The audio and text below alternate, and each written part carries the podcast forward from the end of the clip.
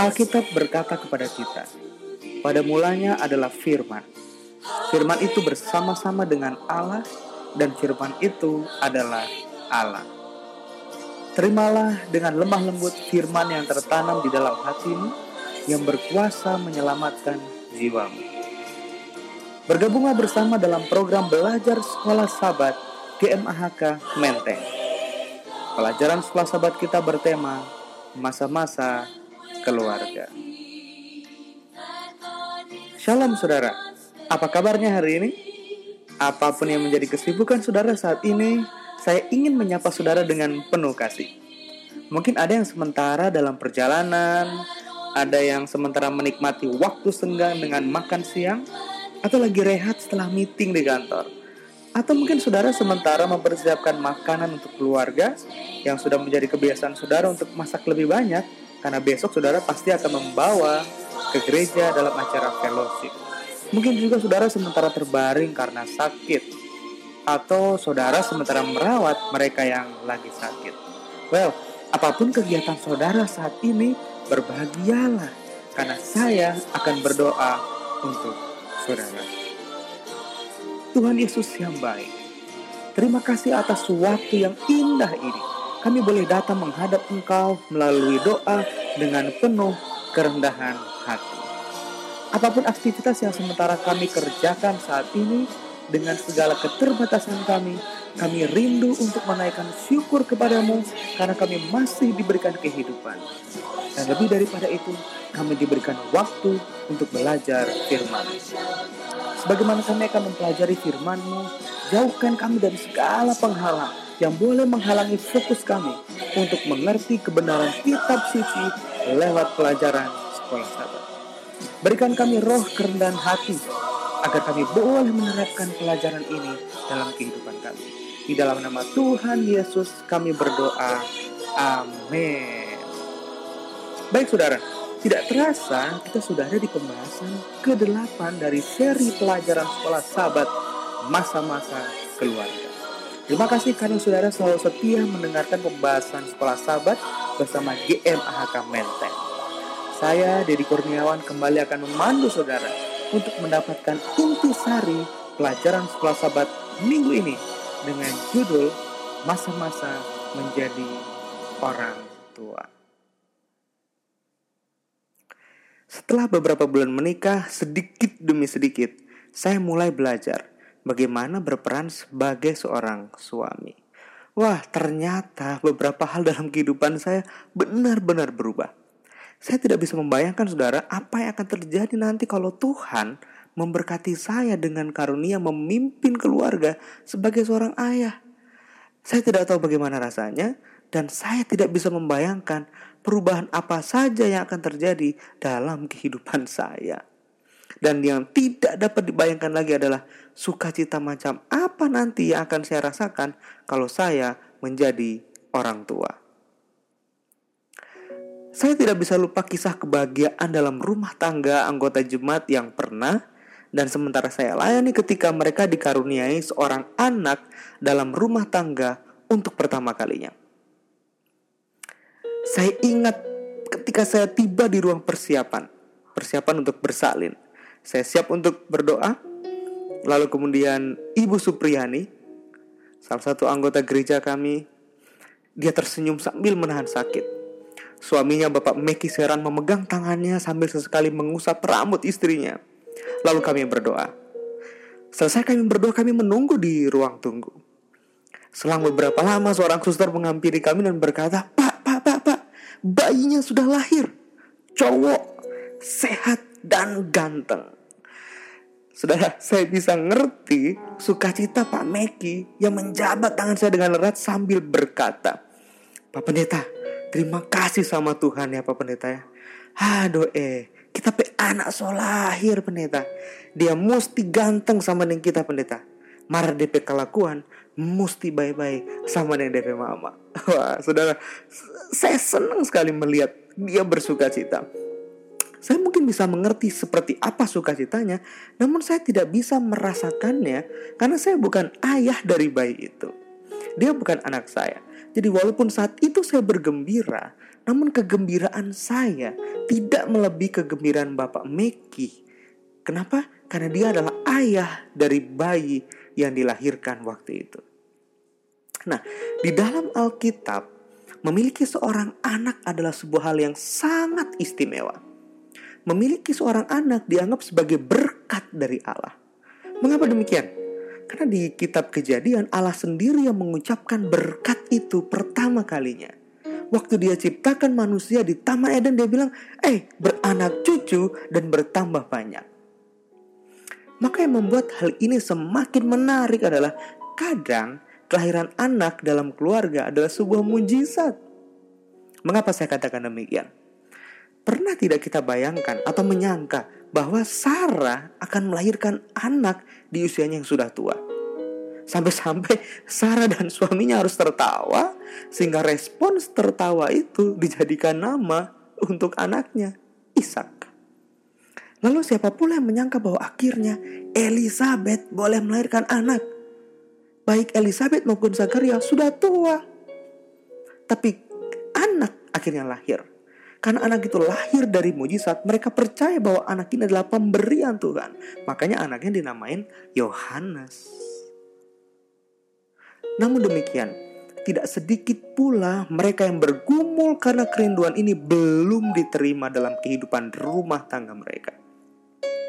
Maka setiap kali ada perkumpulan diadakan, ini lagi lagi kongko-kongko nih ya, saudara-saudara. Pertanyaan ini nih sangat menyakitkan. Eh, sekecil mana? Kok nggak dibawa? Eh, eh, by the way, udah berapa anak lo sekarang? Pertanyaan ini membuat hati mereka teriris. Namun di sinilah sebetulnya iman percaya kepada Tuhan dipertaruhkan. Apakah saya, saudara, kita semua percaya bahwa Allah sanggup mengerti kesedihan kita karena kita belum dikaruniai anak dalam rumah tangga kita.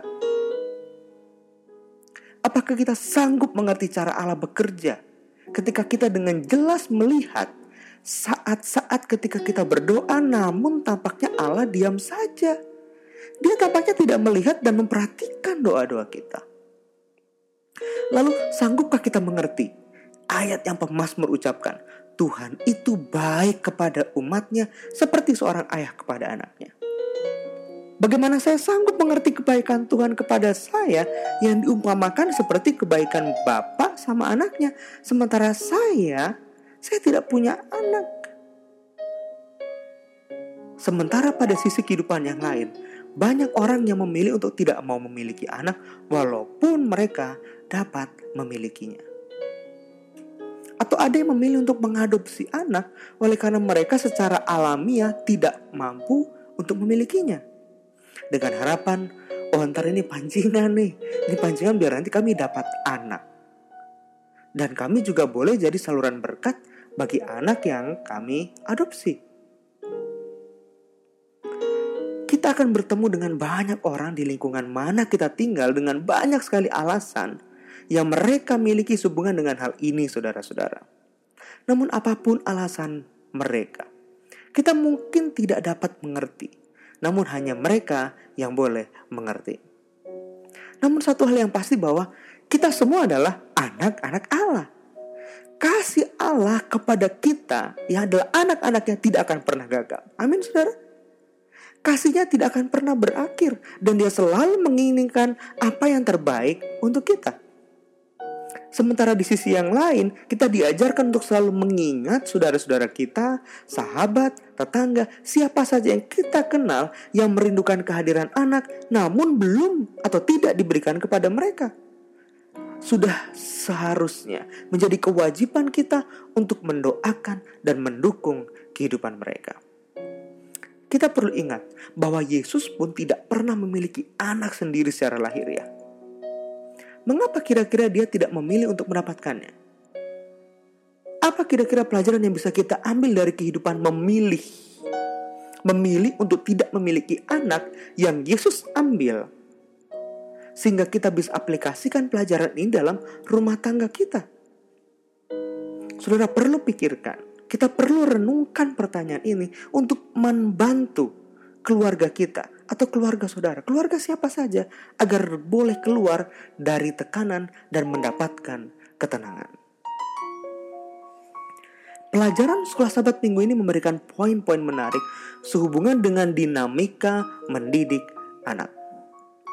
Poin-poin ini baik sekali karena dapat membuka pikiran kita untuk memikirkan beberapa hal yang terjadi di luar kehidupan kita yang mungkin perlu untuk kita perhatikan dan doakan. Saya berikan contoh. Yang pertama, fakta bahwa saya dapat anak adalah sukacita yang tidak terkira. Namun fakta saya membesarkan anak saya seorang diri adalah hal yang mungkin bukan sukacita, namun beban. Karena saat ini banyak ayah atau ibu yang membesarkan anaknya seorang diri. Yang istilah kerennya single parents. Entah apa pun alasannya. Seorang ibu membesarkan anaknya sendiri. Sebaliknya seorang ayah membesarkan anaknya seorang diri. Alasan apa pun itu, itu tidak selamanya dapat dibenarkan. Mungkin kita sementara berpikir tentang seorang wanita yang membesarkan anaknya karena sebuah hubungan yang terlarang tanpa pernikahan, sehingga pria yang katanya mencintainya meninggalkannya begitu saja. Atau seorang pria yang tidak mencintai wanitanya hanya karena alasan hilaf, maka lahirlah anak ini. Karena wanita ini tersinggung atas perilaku si pria, maka setelah anak ini dilahirkan, wanita itu meninggalkan anak yang dilahirkan ini kepada ayahnya. Atau mungkin karena alasan perceraian. Entah perceraian karena kematian atau karena alasan yang lain. Well, alasan apa pun itu, membesarkan anak seorang diri tidak selamanya selalu benar. Mengapa demikian saudaraku? Karena membesarkan anak seorang diri adalah perkara yang tidak mudah. Banyak yang perlu dipikirkan. Kalau hanya uang yang dipikirkan, mohon maaf, ada yang lebih dari sekedar masalah uang. Kesibukan setiap hari untuk membagi waktu bekerja, bermain, bahkan waktu sendiri dengan Tuhan sehingga banyak sekali para single parents berpikir, adakah orang yang dapat menerima keadaan saya dan mencintai saya apa adanya sehingga kami boleh berbagi beban. Maria, ibu Yesus, merasakan beban sebagai seorang single parents. Ellen White menulis kisah ibu Yesus ini dalam buku Kerinduan Segala Zaman halaman 145. Yusuf tahu rahasia tentang kelahiran Yesus. Dan sekarang, Maria tidak memiliki seorang pun untuk berbagi kisah tentang pengharapannya dan ketakutannya. Beban sebagai seorang ibu benar-benar dirasakan oleh Maria. Kenapa? Karena dia seorang diri. Seorang ibu rindu agar anaknya sukses, bukan saudaraku? Tapi entah apa pun nanti di masa yang akan datang pekerjaan anaknya, tetap saja ibu rindu anaknya sukses. Tapi yang terjadi dalam kehidupan Maria berbeda. Dia tahu anaknya adalah penyelamat dunia. Misteri kelahirannya dan apa yang akan terjadi dalam kehidupan anaknya, dia tidak mengerti. Nah, biasanya dia share ini dengan Yusuf. Tapi sekarang Yusuf sudah mati. Lalu dengan siapa dia berbagi? Situasi inilah yang diungkapkan oleh Ellen White ketika dia melihat kehidupan Maria dalam penglihatannya. Inilah yang dituliskan oleh Lukas dalam Lukas 2 ayat 51. Maria menyimpan semua perkara ini dalam hatinya. Jangan salah persepsi hubungan dengan orang yang suka menyimpan perkara dalam hatinya. Walaupun mungkin orang-orang yang menyimpan perkara dalam hatinya sering yang disimpan adalah hal-hal yang negatif. Wah, suami gua masih hidup tapi udah kayak orang mati aja. Malas gue ngurusin orang kayak begini. Tapi gimana ya Tuhan? Kalau gak diurusin nanti diomongin orang. Istri macam apa gue nih? Ya udahlah, simpan aja dalam hati. Sering ini terjadi saudaraku. Disimpan dalam hati, kepahitan. Duh, dia beruntung banget ya. TV baru lagi, kulkas baru lagi, mobil baru lagi. Aduh, sayang banget suami gue udah gak ada. Tapi ya mau gimana lagi? Udahlah, simpen aja dalam hati. Oh, ini juga sering nih saudara gue nih. Kepahitan lagi, kekecewaan lagi. Ya Tuhan, apa karena saya janda miskin? Lantas saya dipandang sebelah mata sama ibu-ibu di gereja. Sehingga semua pekerjaan-pekerjaan yang kotor di gereja harus saya lakukan. Tapi ya udahlah Tuhan. Mau gimana lagi? Udahlah, simpen aja dalam hati. Oh, ini juga sering ini nih, ini sering. Tuhan, sudah hampir satu tahun itu ya, gak ada satu orang pun dari majelis gereja yang datang mengunjungi saya dan anak saya di rumah. Apa karena status pekerjaan saya yang tidak jelas? Apa karena saya seorang pria yang pekerjaannya semeraut, sehingga kapabilitas saya tidak cukup untuk dapat bergaul dengan mereka yang punya segalanya? Tapi sudahlah Tuhan, mending saya simpan saja di dalam hati. Haha, saudara, semua disimpan dalam hati. Namun akhirnya itu semua menjadi kepahitan. Kenapa? Karena semua hal itu negatif.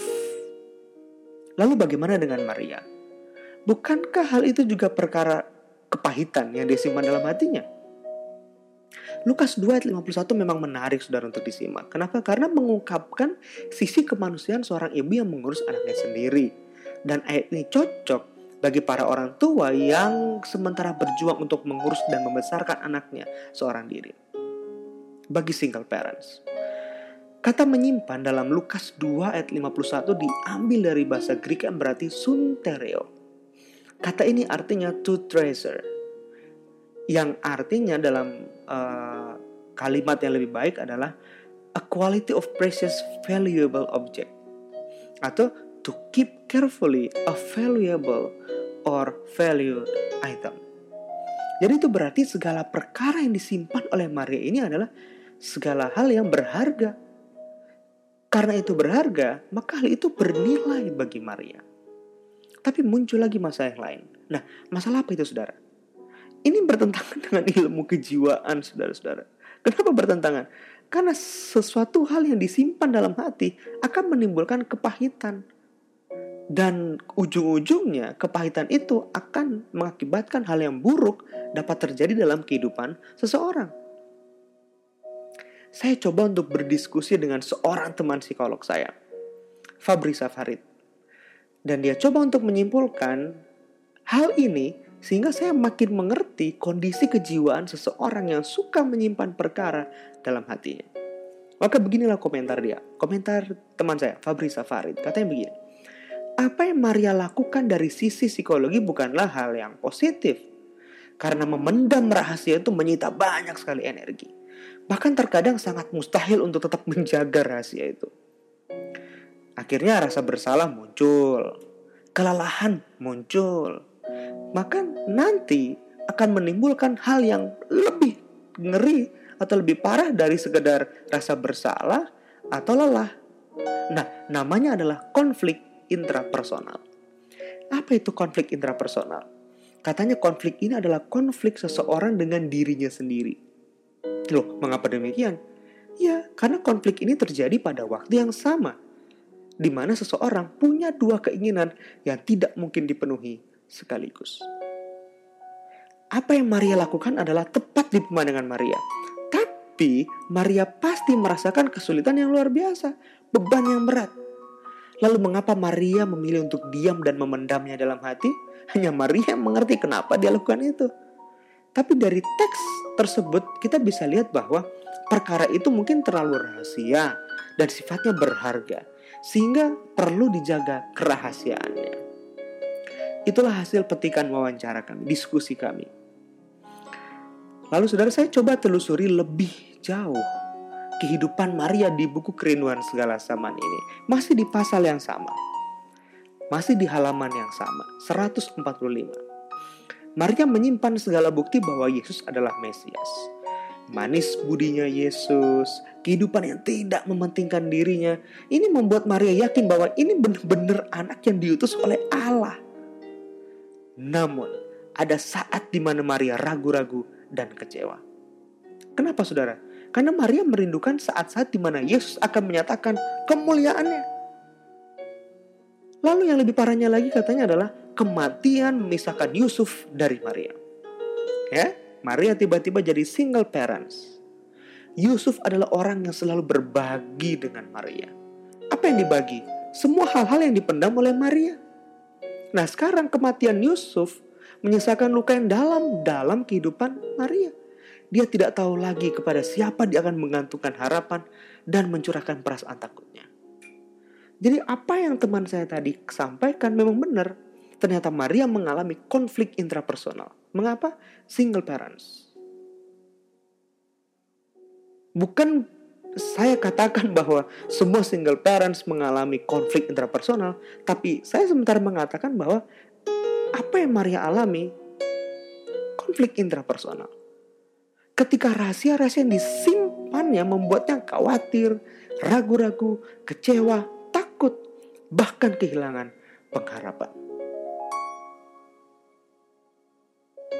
Dan poin besarnya adalah konflik ini mencapai puncaknya ketika Yusuf tidak ada lagi bersama-sama dengan dia. Itu sebabnya di awal tadi saya katakan single parents bukanlah hal yang mudah untuk dilalui. Maka sudah menjadi tugas gereja untuk membantu mereka yang single parents. Yakobus 1 ayat 27, para janda adalah single parents. Jadi kalau fokus kita membantu mereka hanya masalah uang, lantas kita bilang, udahlah kasih duit aja, ntar juga seneng orang tua ini. No saudara, salah. Uang memang penting. Tapi banyak para single parents yang memiliki uang. Namun mereka tidak punya waktu sendiri. Cobalah untuk menggendong anaknya Ambil waktu untuk ngajak mereka ngobrol. Undang mereka ke care group saudara. Ambil waktu untuk ajak anak-anaknya, kemudian saudara ajar anak-anaknya. Bantu mereka dengan memperbaiki rumah mereka, sehingga kita boleh jadi perpanjangan tangan kasih Allah yang dapat menjangkau kehidupan mereka. Itu baru satu masalah yang diungkapkan oleh pelajaran sekolah sahabat. Menjadi seorang single parents sangat tidak mudah. Lalu masalah yang kedua yang diungkapkan adalah mendidik anak untuk mengikuti Yesus. Kita tidak bisa memungkiri saudara bahwa sebagian besar dari antara kita yang setia di gereja karena orang tua kita juga setia. Jadi mohon maaf ini kalau saya katakan ya bahwa kekristenan terkadang hanyalah sebuah perkumpulan warisan. Maaf kalau saya salah dan menyinggung. Karena oma, opa, mereka Kristen, maka orang tua saya Kristen.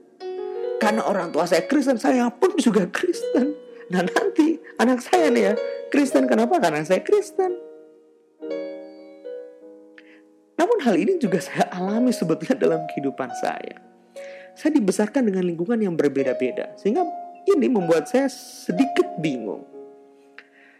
Umur 1 sampai dengan 5 tahun kami hidup di Jawa. Kemudian meninggalkan tanah Jawa. Jadi sebetulnya budaya Jawa tidak terlalu melekat. Hanya karena di rumah menggunakan bahasa Jawa, jadi Jawa bisa melekat di dalam kehidupan saya. Kemudian enam tahun setelah keluar dari Jawa, saya dibesarkan di Kalimantan dengan rekor lima kali pindah sekolah. Budaya Dayak melekat, budaya Jawa tidak luntur, agama ya ikut orang tua saja. Umur 12 tahun, sampai kuliah di Sulawesi Utara. Sampai-sampai KTP pun KTP Manado. Budaya Dayak sudah hilang, budaya Jawa tetap tidak luntur, budaya Manado membumi. Sampai dapat istri orang Manado. Agama? Ya ikut orang tua saja pada awalnya. Mengapa pada awalnya? Karena akan ada saat di mana level kehidupan saya akan memilih sendiri kepada siapa saya akan percaya. Lalu bagaimana dengan ajaran orang tua? Itu adalah fondasi saya untuk memilih. Lalu apakah orang tua saya tidak khawatir terhadap pilihan yang nanti saya akan ambil? Sudah pasti mereka khawatir. Lalu apakah mereka memaksa? No, tidak memaksa. Mengapa demikian? Karena orang tua saya sudah melakukan perannya dengan memberikan apa yang dapat mereka berikan sebagai bekal bekal untuk saya memilih jadi apa saya nanti. Mereka mungkin bukan orang tua yang sempurna. Banyak contoh-contoh orang tua yang sempurna, saudara.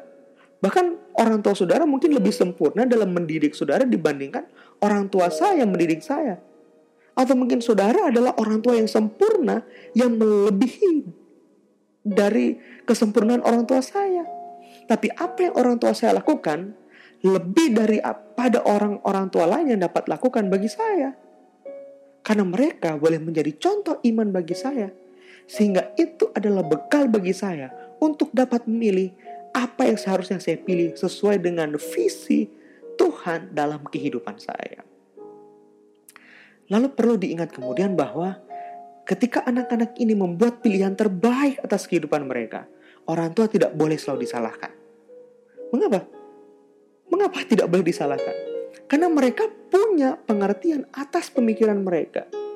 Sehingga pada akhirnya mereka akan bertanggung jawab kepada Tuhan atas pilihan dan perilaku mereka. Itu sebabnya ulangan 6 ayat 7 sampai 9 adalah tiga prinsip yang perlu kita berikan kepada anak-anak kita di dalam membekali mereka agar nantinya mereka dapat memilih pilihan yang benar. Yang pertama, ajarkan kebenaran dengan cara membicarakannya. Bicarakan terus, bicarakan terus kebenaran Tuhan. Ketika kita bersama dengan anak-anak kita, apa yang biasanya kita obrolkan? Apa yang bisa kita share dengan mereka? Usahakan seharusnya obrolan yang kita obrol adalah obrolan yang membawa mereka mengenal siapa Tuhan yang kedua, ajarkan dengan menuliskannya. Ajarkan anak-anak kita untuk memaknai setiap karya yang Allah telah lakukan dalam kehidupan mereka. Sehingga mereka tetap mengingat apa yang Tuhan telah lakukan. Maka yang ketiga, ajarkan dengan menggantungkannya. Ketika membicarakan dan menulisnya, maka sangat mudah untuk mengingatnya, menggantungkan, mengingatnya dalam pikiran kita. Saudaraku, ada saat-saat di mana ketika kita mendidik anak-anak sudah sesuai dengan ketentuan. Ini ketentuan pendidikan Kristen Advent loh ini. Malah mereka sekolah di sekolah Advent loh. Tidak sedikit doa kita untuk mereka. Tapi pada saat mereka besar, mereka malah meninggalkan gereja. Oh, saudara, tidak tahu bagaimana lagi pedihnya perasaan kita. Apalagi ketika melihat pemuda gereja yang sebaya dengan anak-anak kita begitu rajin, aktif, dan setia di gereja. Saudara bingung, mengapa saya gagal? Mengapa saya gagal jadi orang tua yang baik tuh? Saudara mungkin boleh merenungkan pertanyaan ini. Sambil saudara mendengarkan kisah berikut ini. Ada seorang pembicara Kristen yang baru saja selesai berbicara pada sebuah perkumpulan. Lalu di akhir pembicaraannya dia mengucapkan kalimat yang membuat orang-orang berpikir keras ini apa maksudnya. Saya tahu apa yang dia katakan dia bilang begini nih saudara. Saya ingin berterima kasih kepada istri saya yang dengan penuh kasih sayang selalu membantu dan menemani saya. Dan tentu saja kepada anak saya yang dengan ketulusan hati selalu menyulitkan saya semua terdiam. Mereka berpikir, apa maksud pembicara ini? Pada awalnya dia berterima kasih untuk istrinya, semua orang tersenyum. Kemudian dia berterima kasih kepada anaknya ketika semua orang mau tersenyum, tiba-tiba senyumnya terhenti oleh karena ternyata dia berterima kasih karena anaknya adalah anak yang sulit untuk diatur. Dia seperti mengemas bahasa sarkasme untuk menyudutkan anaknya. Kita bisa saja berspekulasi saudara tentang apa yang jadi maksud pembicara ini. Tapi hanya dia mengerti mengapa dia mengatakan hal demikian. Namun dari kisah tadi kita bisa saja uh, pembicara ini tulus hati memang berterima kasih kepada anaknya yang selalu menyulitkannya. Mengapa? Sehingga dia bisa memetik pelajaran penting dari pengalaman menjadi orang tua dari anak yang susah diatur. Anak boleh saja menjadi berkat atau menjadi ujian dalam kehidupan orang tua. Jadi ujian itu diberikan melalui anak. Sehingga anak yang mendatangkan ujian adalah berkat dalam rumah tangga. Maka renungkan ini saudara. Bagian apa saja yang sudah Sementara dibentuk dari karakter saudara melalui anak saudara ketika ujian itu datang. Kalau ujian hidup mendatangkan berkat, maka berkat apa saja yang datang lewat ujian kehadiran anak dalam kehidupan saudara yang membuat saudara dewasa secara mental sebagai orang tua dan dewasa rohani sebagai seorang imam dalam rumah tangga. Sangatlah penting untuk merenungkan pertanyaan ini sambil kita mendengarkan kesimpulan dari pelajaran sekolah sahabat lewat kutipan Ellen White berikut ini. Para orang tua, anda harus mulai pelajaran disiplin pertama Anda ketika anak-anak Anda masih bayi dalam pelukan Anda. Ajarkan mereka untuk menyerahkan kehendak mereka kepada Allah.